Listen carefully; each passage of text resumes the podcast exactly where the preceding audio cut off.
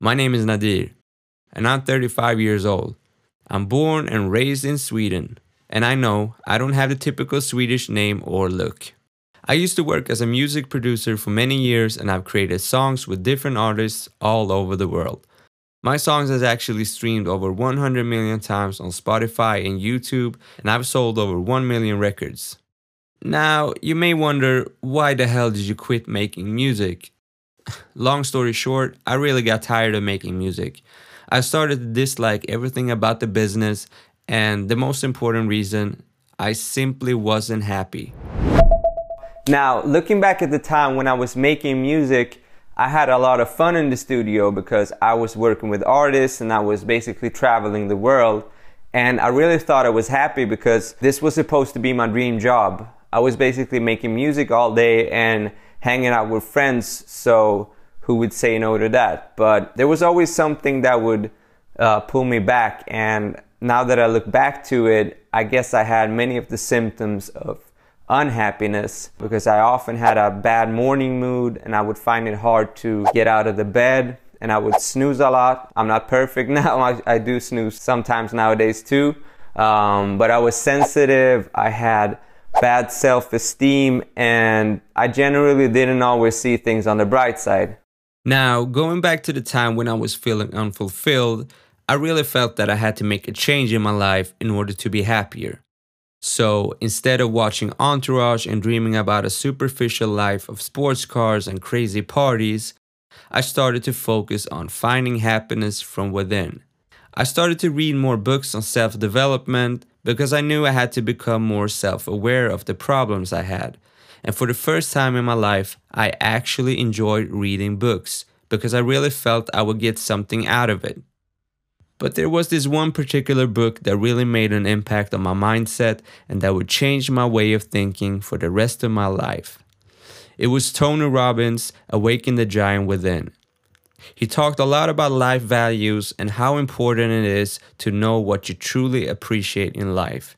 So, I took the most important concepts from this book and applied them to my own beliefs, and this actually came to be my secret to finding happiness.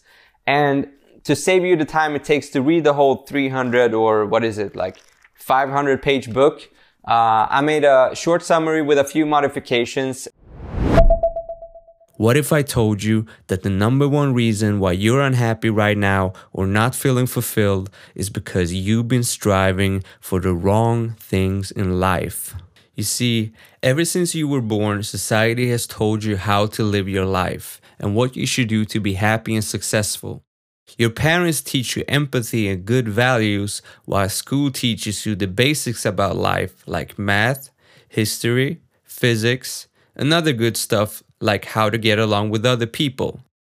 But what about happiness? How many schools have classes about how to find out what makes you happy?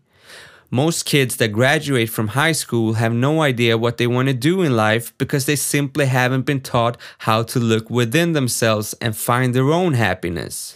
So instead, we allow the big corporations teach us how to be happy and what do I mean by that? Well, every day we consume information through social media, television, YouTube, and Netflix, and we're being told the same story every day by these big companies. And the formula is buy this product and you will get a better life. For example, buy these Nike shoes and you will feel like a champion. Or buy this makeup and you will look like Kim Kardashian. Or even buy this pill and you will feel better.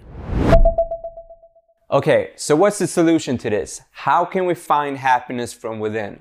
Well, instead of making decisions based on what others tell us to do, what if we start to look within ourselves and find the key things that truly makes us happy? It's pretty logical, right? So the secret to finding happiness, and that's just my take, is to find your key values that you want to move towards in life that we haven't done before. The first key thing that you got to do is ask a simple question. And I know that this question might not sound that simple, but it is pretty simple. And that's what's the most important to me in my life? And what do I value the most? So all the things that come up in your head, write them down and keep them to like five to, to eight things. I did this exercise myself and came up with these values. Health, freedom, love, personal growth, creativity, and finance. These are my life values, and whenever I feel lost and need to make a big decision, I look at these values. So, for example, let's say I get offered a job at a company where I get paid well, but I have to work overtime a lot, travel with work, and where I don't get to educate myself and grow. Then I know that is violating four of my life values, which are health, freedom, love, and personal growth and therefore it's pretty easy for me to make the decision to pass on that job. You see, instead of listening to what society tells me, which is make money and get successful, I base my decision on my own values that I know makes me happy. So, I know I've talked a lot and I need to end this video right now. But before I do, I want to let you know why I started this channel and what you can expect from me.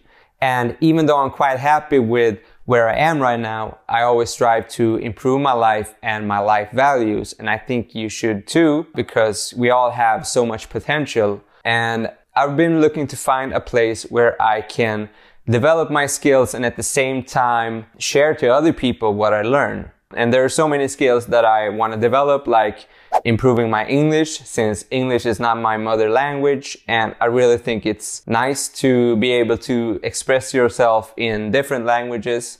And I want to get better at storytelling. I also want to get better at filmmaking.